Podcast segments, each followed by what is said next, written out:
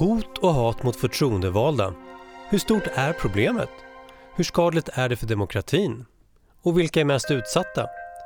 Det är några av frågorna som diskuteras i det här avsnittet av Snacka om brott. En podd från BRÅ, Brottsförebyggande rådet. Programledare är Willy Silberstein.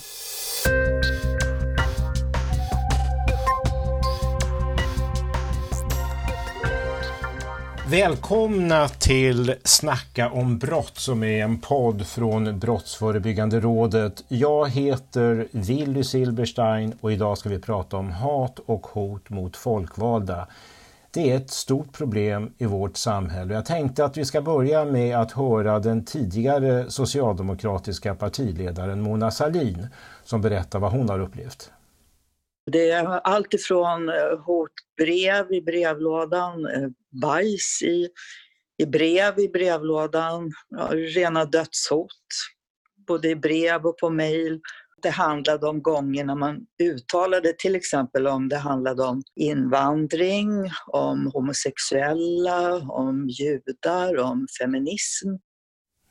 Det där var alltså Mona Salin och nu vänder jag mig till Anna Fränsel från Brottsförebyggande rådet. Anna, när du hör Mona Salin, är det typiskt eh, det hon berättar för vad du brukar möta när du tittar på de här frågorna? Ja, men det tycker jag. Ehm, vi ställer ju frågor i politikernas trygghetsundersökning om eh, många olika typer av eh, både hot och trakasserier, men även våld, skadegörelse, stöld. Eh, och vi ser att olika typer av hot och trakasserier är ju den vanligaste typen av händelser. Framförallt hot och påhopp som sker via sociala medier. Och om vi tar ett helikopterperspektiv, är det här ett stort problem i Sverige? Ja, det skulle jag säga att det är. Vi, vi har gjort den här undersökningen vid fyra tillfällen eh, där vi kan jämföra då över tid. Och det vi kan se är att i den senaste undersökningen då, där vi tittade på utsattheten under valåret 2018, så var det 30 procent av de förtroendevalda som uppgav att de hade blivit utsatta. Eh, vid, och det är ju en väldigt hög tillfälle. siffra. Det är ju väldigt hög siffra, en av tre. Och det ja. kanske är mer, för vi vet ju inte hur många som anmäler. Nej, precis. Och eh, ja, det är en hög siffra och vi ser ju över tid att uh, utsattheten verkar ha ökat. Eh, vi har ju två valår och två mellanliggande år som vi har tittat på. Och eh, utsattheten är ju generellt sett högre under valåren, vilket inte är så konstigt. Men, eh, men den har också ökat över tid. Och Det kanske är svårt att svara på det, men vad tror du är förklaringen till att den har ökat över tid? Ja, när vi tittar på de olika typerna av händelser så är det ju framförallt hot och påhopp via sociala medier som har ökat mest. Och Eh, vi, ser, vi ställer ju också frågor till de förtroendevalda om i vilken grad de faktiskt är aktiva på internet och sociala medier. Och vi ser ju att graden av aktivitet bland de förtroendevalda har ökat. Och då är det kanske inte så jättekonstigt då att även utsattheten har ökat i och med att vi ser att det är den typen av händelser, alltså hot och påhopp via sociala medier som är just eh, det vanligaste. Och är det som eh, man säger ofta att eh, även i det här fallen då att saker som man inte skulle drömma om att gå fram och säga till en människa är så mycket lättare att bara skriva i en tweet så att eh, spärrarna avtar eller möjligen försvinner? Ja, det verkar ju som, som att det finns sådana tendenser, absolut. Går det att säga någonting? Hur ser en typisk trakasserad folkvald ut? Vem är han eller hon? Du menar den som blir utsatt? Ja. Ja. Eh, ja men som jag nämnde, det handlar oftast om hot och påhopp som sker via sociala medier. Och eh, vi, eh, de förtroendevalda som blir utsatta, eh, ganska många av dem, de kopplar ju sin utsatthet till att de har uttalat sig i en, eh, i en specifik fråga. Och där ställer ju vi en uppföljningsfråga då om vilken typ av frågor det handlar om. Och många svarar, precis som Mona Sahlin var inne på, att det kan eh, handla om frågor som rör eh, invandring, migration, rasism, hbtq-frågor, jämställdhet, feminism. Den typen av frågor genererar ganska mycket utsatthet. Är det, är det oftare kvinnor som utsätts än män generellt? Ja, när vi tittar på utsattheten totalt sett så är nivån mellan kvinnor och män ganska lika. Men eh, tittar vi på speciella eh, typer av händelser så ser vi att det är en större andel kvinnor som uppger utsatthet för hot och påhopp via sociala medier. Och eh, sen så i senaste undersökningen så ställde vi även en, en ny fråga om det har förekommit någon form av eh, angrepp av eh, sexuell karaktär vid eh, någon av händelserna som man varit utsatt för. Och där såg vi en tydlig könsskillnad, att det var betydligt fler kvinnor än män som uppgav att det hade, ja, att det hade förekommit någon form av eh, sexuell karaktär vid händelserna. Och det här är ju som vi redan konstaterat ett stort problem. Ändå är det inte så många polisanmälningar som man skulle kunna tänka sig. Vad kan det bero på tror du? Ja, men det stämmer. Alltså det vi ser är att eh, ungefär var femte händelse uppges ha blivit polisanmäld. Det är alltså vad de förtroendevalda själva uppger. Sen vet ju inte vi om händelserna verkligen har polisanmälts. Men, eh, och den här nivån på ungefär var femte händelse som har polisanmälts, eh, den verkar ligga ganska stabilt över tid. Så det verkar inte hända så mycket med anmälningsbenägenheten. Och, och vad, eh, vad, vad, vad, ska man, vad beror det på tror du? Ja, vi ställer ju också frågor om varför man inte anmäler. Och eh, det vanligaste är ju att, man, att de förtroendevalda inte eh, upplever att, eh, de tror inte att anmälan kommer leda fram till någonting. Helt enkelt. Och sen så är det även ganska vanligt att man inte anmäler därför att man betraktar det som har hänt som en småsak. Eh, eller att man betraktar det som en del av sitt uppdrag. Och väldigt kort, jag anar ditt svar, men jag frågar ändå. Vad tycker du om att inte fler anmäler? Det är jätteproblematiskt såklart. Det, om man inte anmäler så tänker jag att problemet inte synliggörs. Och det, det är ju ett jätteproblem. Mm. Vi återkommer till dig Anna, stort tack så här långt. Då vänder jag mig till Daniel Lindvall som är huvudsekreterare för utredningen Det demokratiska samtalet. Och i till att börja med Daniel, bara några ord. Vad är den här utredningen? Vad går den ut på?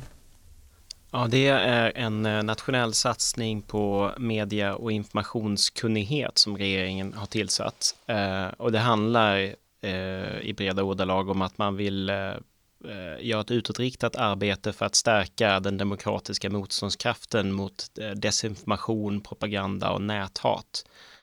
Så vi ska liksom arbeta utåt för att få upp eh, de här frågorna, få upp medvetenheten om frågorna och, och stimulera ett arbete i, eh, som stärker motståndskraften, om man säger så. Men eh, Eh, när det kommer just till den här frågan som vi diskuterar just nu så är ju inte vi en utredning som utreder hot och hat mot förtroendevalda som sådana, sådant, utan vi tittar ju framförallt på det som eh, kommer upp genom sociala medier, digitala medier, alltså näthat och det som Anna säger att, att den här frågan har aktualiserats väldigt mycket eftersom eh, hatet och hotet blir mer omfattande genom digitaliseringen. Och utifrån din position i, i den här utredningen, hur stort problem menar du att näthat mot folkvalda är idag? Det är ett väldigt stort problem vi, kan ju, vi har gjort, eh, vi har fört många, mycket samtal med förtroendevalda runt om i landet, besökt många kommuner och eh, de vittnar om att det här är ett eh, väldigt stort problem. Det, och det är ett problem på ett antal olika nivåer. För det första så påverkar det ju vem som vill gå in i politiken och vem som eh, orkar stanna kvar i politiken. Eh, Brottsförebyggande rådets undersökningar visar ju att det är eh, åtminstone var tredje förtroendevald som har eh, övervägt att lämna sina uppdrag eh, på grund av hotet och hatet. Och sen så leder det till att eh, den som stannar kvar i politiken måste vara hårdhudad och tåla en hel del. Och det, det formerar ju vilken typ av politiker och vilka typer av förtroendevalda vi får.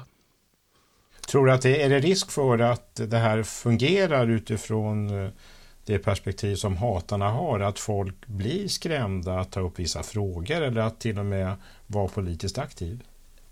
Ja, det är ingen risk för det. Det visar ju undersökningarna. Det är en, eh, det, det är en del eh, som hoppar av på grund av hotet och hatet. Jag tror inte det. Det är en, det är en jättestor andel som, an, som anger just den som den främsta anledningen. Men eh, Vad vi däremot vet är att en stor del av de förtroendevalda censurerar sig själv eller undviker att gå in i vissa debatter för att man är rädd för att utsättas för hot och hat. Och det är ju speciellt vanligt om man har erfarenhet av utsats.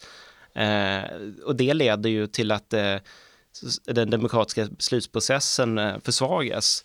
Eh, och att det här är ett hot mot demokratins funktionssätt. Det uttrycker ju både regering och riksdag i den proposition som man antog eh, gällande straffskärpning om hot mot förtroendevalda.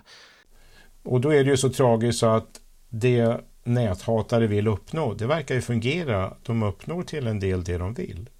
Absolut, det verkar det. det man måste ju också förstå att det är en Näthatet är ju specifikt eh, till skillnad från hat och trakasserier i andra sammanhang, så att säga, fysiska sammanhang. Det är ju en, eh, ett, ett hat och hot som uttrycks över nätet. Det riktas ju förvisso till eh, den förtroendevalda personen i sig. Men det är också en relation som ehm, inbegriper en tredje part, alltså alla som ser hotet och hatet som uttrycks över sociala medier i de, de, de så att säga, digitala offentliga arenorna som eh, därmed skapar eh, en skräck eh, och avskräcker folk att gå in i politiken och därmed eh, stör det demokratiska samtalet kan man säga. Så att på så sätt har ju det liksom en, man kan, man kan se liknelse mellan, mellan liksom eh, politiskt våld i andra avseende, även om det här inte är liksom ett fysiskt våld så kan, kan det liksom ha samma syfte att, att skapa skräck eh, och skapa liksom fruktan som, som påverkar demokratin. Och får jag fråga då, det är säkert en eh, gigantiskt område som jag nu vill ha ett kort svar på, men vad kan samhället göra för att stärka både politiker och därmed faktiskt demokratin? Ja, ett kort svar. Man skulle kunna tänka sig att eh, man kan dela upp det här på eh, säg, tre nivåer. Nu låter det som att jag inte kommer att ha ett kort svar, men låt mig bara snabbt. Eh, alltså man kan ju först tänka sig att det handlar om eh, så att säga, kulturella normer och att vi stärker vår eh, vår förståelse för, eh, för, eh, saker som källkritik och så vidare, att vi arbetar på att liksom, eh, för, för att minska, alltså att, att det, det, handlar om att liksom vi ska förebygga myllan för hatet, att vi liksom överbrygger den polarisering som finns i samhället och så vidare. Saker som får, som triggar eh, hat, att vi bygger upp en en, en, en, en, en schysst värderingar på, på nätet, att vi, vi skapar en förståelse för hur det här slår, det vi uttrycker oss på nätet. Men sen så finns det liksom en del som handlar om att hitta sätt att stödja dem som utsätts. Eh, hitta liksom stödstrukturer för förtroendevalda så man verkligen vet var man ska vända sig, att man får den hjälpen eh, som man behöver för att kunna hantera det här. Och sen slutligen så handlar det ju om, eh, om rättskedjan och, och eh, hur eh, eh de brotts Eh, bekämpande myndigheterna hanterar det här. Och det är ju en, det är en komplex fråga som vi kan mm. Eh, möjligtvis diskutera. Vi, kan, vi försöker återkomma till den frågan. Jag tänkte nu vända mig till Anna-Lena Pogelis som jobbar på Sveriges kommuner och regioner. På vilket sätt har ni med de här frågorna om utsatta hotade politiker att göra? Eh, Sveriges kommuner och regioner är ju en medlemsorganisation där alla kommuner och regioner är medlemmar. Så det innebär ju att eh, eh det finns ungefär 40 000 förtroendevalda i landet så, som också organiseras under de här kommuner och regioner. Och, och där, eh, där hjälper ni, ni försöker att stötta då de utsatta politiker som finns i er sfär, kan man säga så? Ja, sen 2000 har faktiskt Sveriges kommuner och regioner lyft frågan och försökt sätta den på dagordningen. Och sen 2016 jobbar vi i ett aktivt projekt som också är ett samarbete och med stöd av regeringen för att eh, SKR ska kunna ge stöd till ett systematiskt arbete ute i eh, kommuner och regioner på den senaste kongressen nu i november 2019 så tog man också ett eh, ett eh, strategiskt delmål om att förtroendevaldas förutsättningar att verka under trygga former i sitt demokratiska uppdrag. Eh, så att det är en aktuell fråga för SKR. Och kan du, tycker du, alltså det, jag förstår att det är en svår uppgift, men tycker du att ni gör tillräckligt för att skapa den trygghet som ni vill att folkvalda ute i kommuner och landsting ska ha? Frågan är när man kan göra tillräckligt, men vi följer i alla fall upp hela tiden hur arbetet utvecklas. Och jag sitter precis just nu och tittar på en enkät som vi har varit ute med för att se hur det systematiska arbetet har utvecklats. Så vi ser ju att det är allt fler kommuner som har det på dagordningen. Man fattar beslut om styrande dokument, man har organisationer Eh, och vi tänker idag att det framför allt är det förebyggande arbetet som behöver utvecklas. Men vad, konkret, vad gör ni? Konkret, ja. Vi jobbar med eh, att höja medvetenhet och eh, kunskaper. Så vi har eh, utbildningar för fullmäktige ute i kommuner och regioner där vi åker ut lokalt. Vi har webbinarier, vi har konferenser, vi gör fördjupade studier. Både tillsammans eh, någon, eh, med Brottsförebyggande rådet, vi har gjort en, en skrift om polisanmälan med Polismyndigheten och Brottsoffermyndigheten och vi gör egna studier. Och just i dagarna så prövar hovrätten ett fall där Jan Jönsson, socialborgarråd i Stockholm, han har varit utsatt för hot och trakasserier och han är man. Det är lite ovanligt att män utsätts för sådana här sexuella trakasserier, eller hur? Jag tänker att Mona Salins eh, inledande ord här var också ganska typiska. Att, att det kan vara såväl eh, brev, det kan vara påhopp på stan, men det, det är också dödshot eller undertryckta dödshot. Och just att det handlar om sexism mot en manlig politiker, Anna-Lena, det är väl rätt ovanligt? Ja, eh, Eh, i de erfarenheter jag har, och de förtroendevalda jag har mött, så är det främst eh, kvinnor som utsätts för eh, hatfulla uttryck av sexistisk karaktär. Och det hörde vi ju även att Anna sa, att det är betydligt vanligare bland kvinnor, så det är lite ovanligt. Eh, tack så här långt också du Anna-Lena. Nu är tanken att ni ska ha en diskussion er emellan och då tänkte jag att vi ska börja med och fortsätta och fördjupa oss lite någonting som vi har varit inne lite på, nämligen att politiker inte vågar engagera sig eller undviker vissa frågor. Och här har jag också talat eh, både med eh, Mona Sahlin återigen, men först ska vi höra Europaparlamentarikern och den tidigare demokratiministern Alice Bah Kuhnke som eh, säger så här om hotet mot vår demokrati. Vi vet att självcensuren, att eh, eh, politiker, framförallt lokalt och regionalt, väljer bort att eh, ge sig in i frågor eller höja sin röst i frågor därför att de är mycket väl medvetna om att om de gör det så drar de också till sig eh, hat och hot.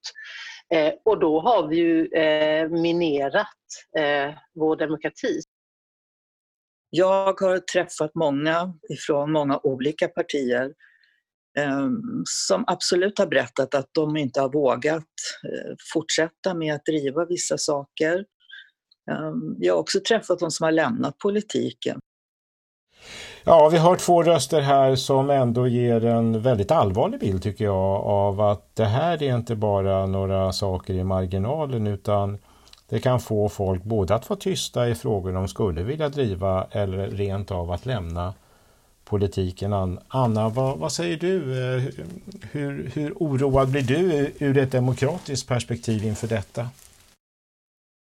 Ja, men jag håller med om att det är ett stort problem och eh, det är ingenting som man ska... Eh, alltså det, det här är en jätteviktig fråga att adressera. Och vi ser ju också i politikernas trygghetsundersökning att Eh, av, när vi tittar på gruppen samtliga förtroendevalda så är det 17 procent eh, som uppger att de har undvikit att engagera sig eller uttala sig i en specifik fråga. Antingen då på grund av utsatthet eller på grund av oro över att man själv eller någon anhörig ska utsättas. Men eh, tittar vi specifikt på gruppen som faktiskt har varit utsatta så är det 30 procent som uppger att de har då, eh, undvikit att engagera sig eller uttala sig i specifika frågor.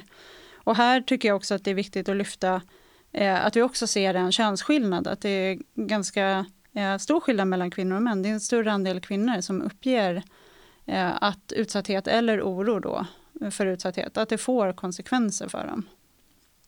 Och det här betyder ju att vi kanske får färre politiker som driver frågor om kvinnors rättigheter, feminism eller minoriteters rättigheter. Alltså jag inser att frågan är ledande Anna, men det här är ju väldigt allvarligt för oss som eh, hög, eh, har väldigt, eh, tycker att demokrati är viktigt.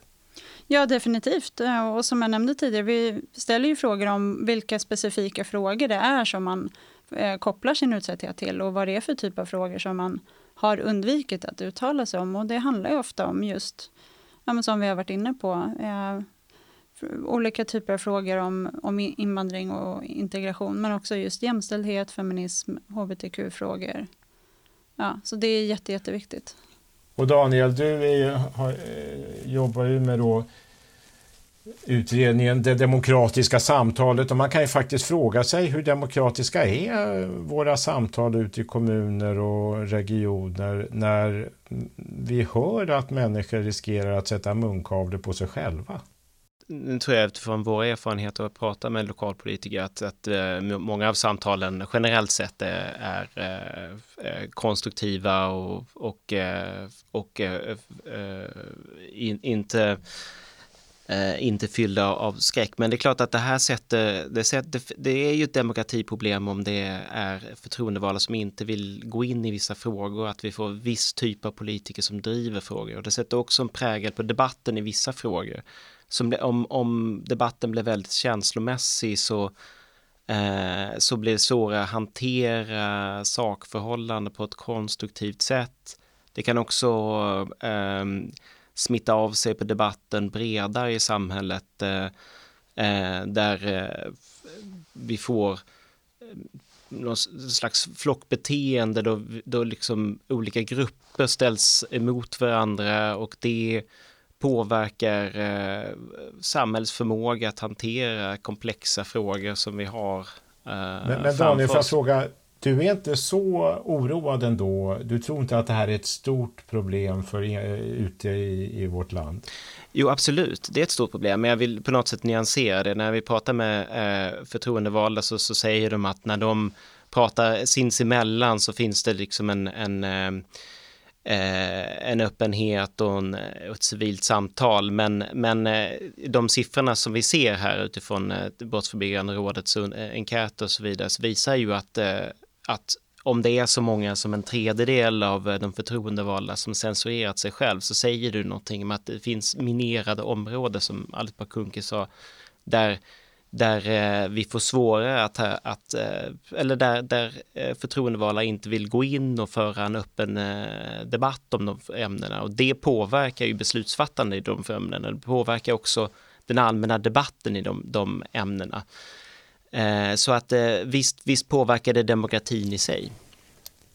Anna-Lena, du, jag vet inte hur mycket kontakt du har på individnivå med olika politiker, men eh, märker du, hör du mycket om just detta problem att man faktiskt inte ibland uttalar sig för man vet att man får så mycket eh, hot eller hat ute på sociala medier?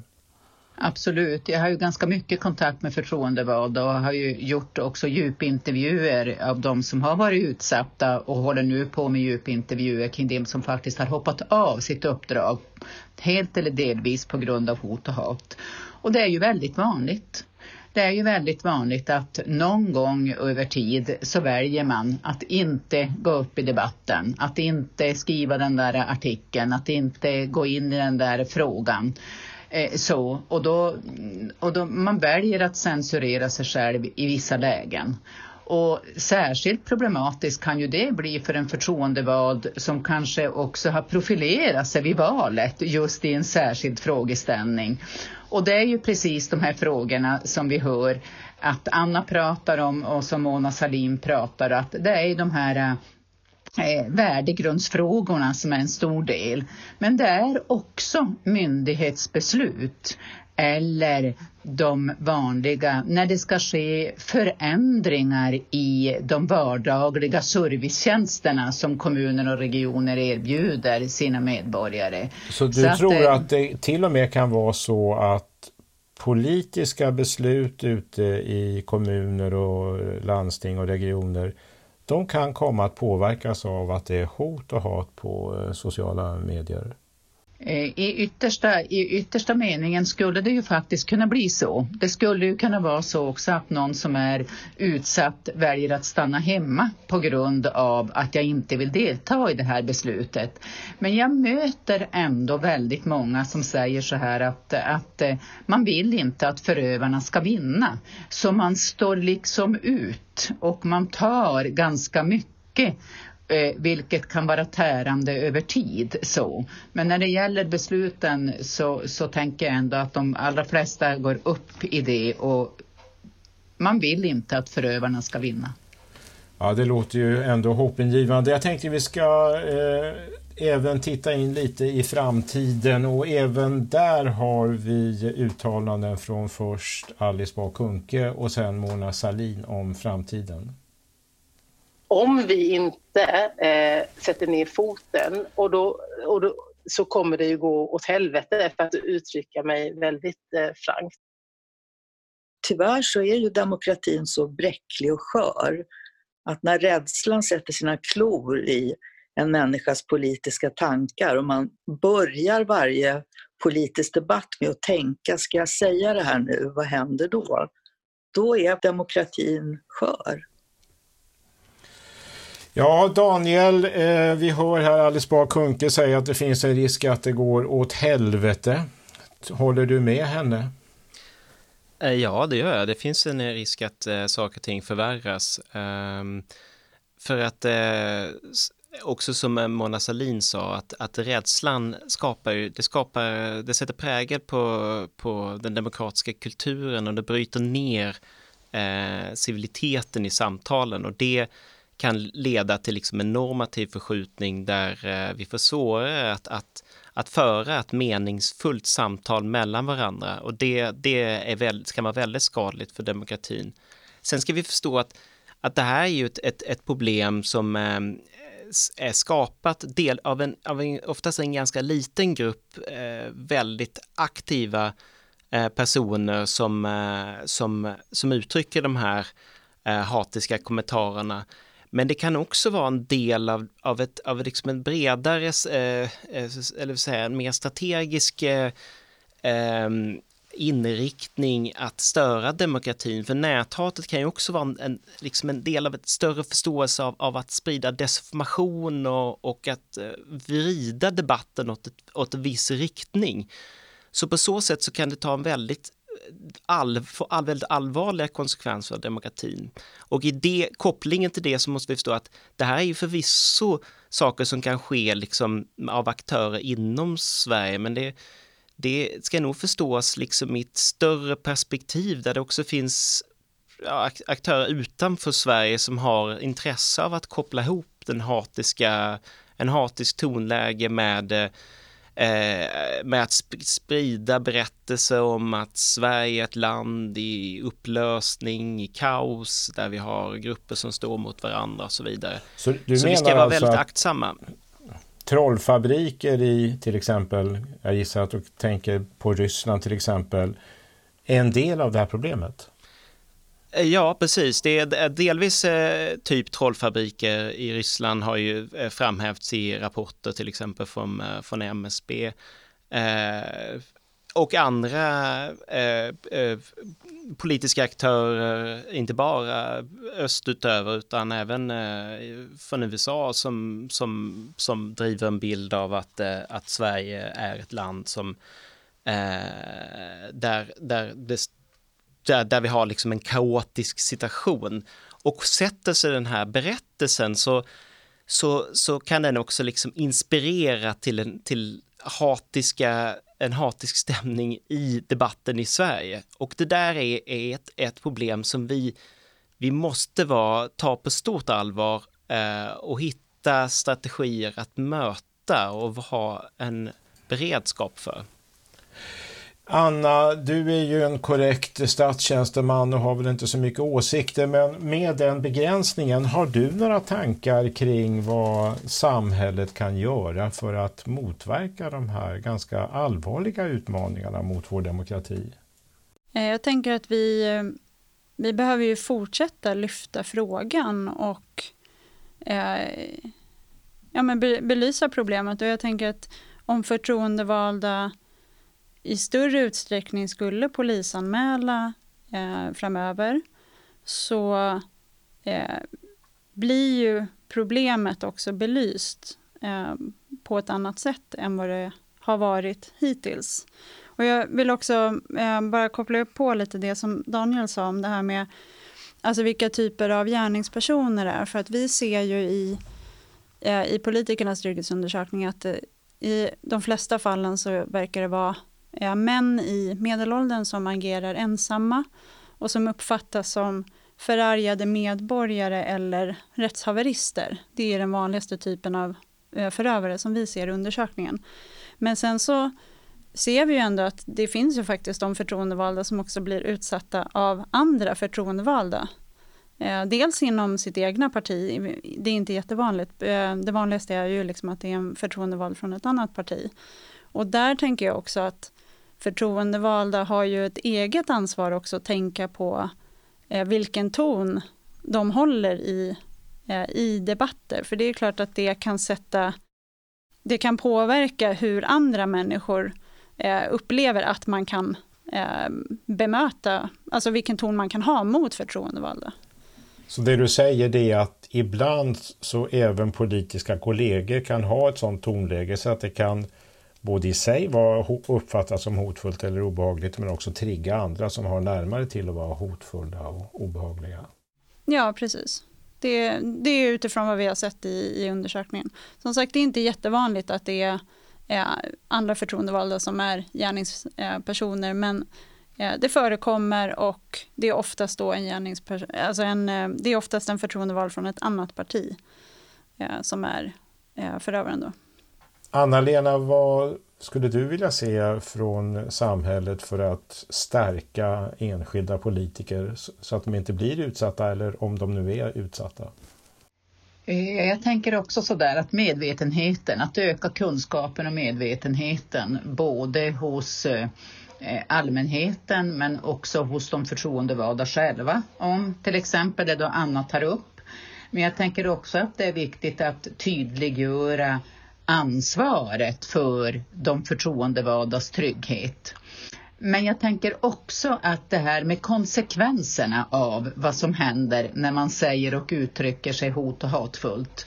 Jag har ju mött många förtroendevalda som har varit utsatt för anonyma hat, kanske på sociala medier.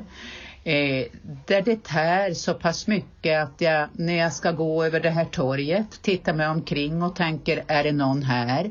När jag möter någon på affären funderar är det någon i min i närhet som har gett det här hotet när jag kanske väljer att ta andra vägar till jobbet eller funderar Eh, den oro jag kan känna när någon ringer från förskolan eller att jag ska komma och hämta mitt barn. Så det är klart att det påverkar ju både eh, de förtroendevalda som person. Det påverkar de förtroendevalda i deras liv och det för, för, påverkar de förtroendevalda i deras uppdrag. Och målet, tänker jag, är ju att man ska tystas eller att man inte ska driva den här frågan.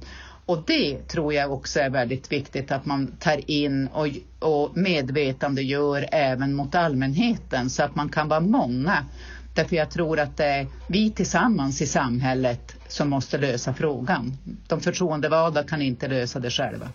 Tack och vi ska inom kort sätta punkt men jag tänkte till var och en bara fråga och det är ett ord ni får svara med men om vi sitter här om tre år igen och diskuterar dessa frågor, tror ni att problemen har blivit mindre eller större jämfört med idag? Vi börjar med dig, Anna.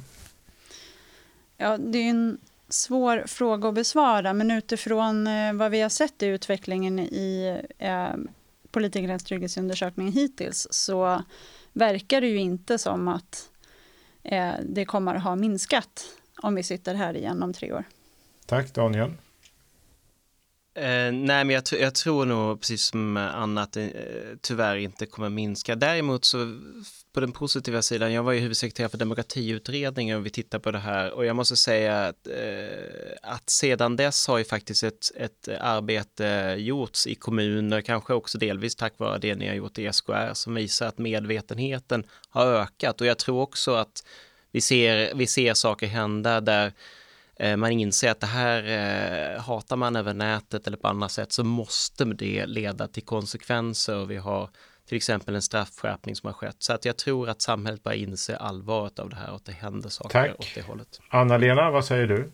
Eh, jag säger samma, jag knyter an där Daniel slutade då. Jag tror faktiskt att det kan vara så att det kanske inte har minskat om tre år, det är för kort och för nära tid. Men jag tror och hoppas verkligen att både de förtroendevalda och allmänheten och samhället i stort har fått den medvetenheten att man tillsammans då verkar och agerar för att förflytta gränsen om vad som är tillåtet i det demokratiska samtalet för att alla ska ha möjlighet att medverka och delta och våga säga sina åsikter. Och det känns som jätteviktig utveckling för vårt demokratiska system. Det får bli slutord. Stort tack till Anna Frensell från Brottsförebyggande rådet, Daniel Lindvall och Anna-Lena Pogulis. Och tack också från Brottsförebyggande rådet som gjorde denna podd. Du har hört Snacka om brott från Brå. Idag om hot och hat mot förtroendevalda. Dela gärna podden i sociala medier. Snacka om brott produceras av Copyfabriken. Tack för att du lyssnade. Vi hörs igen.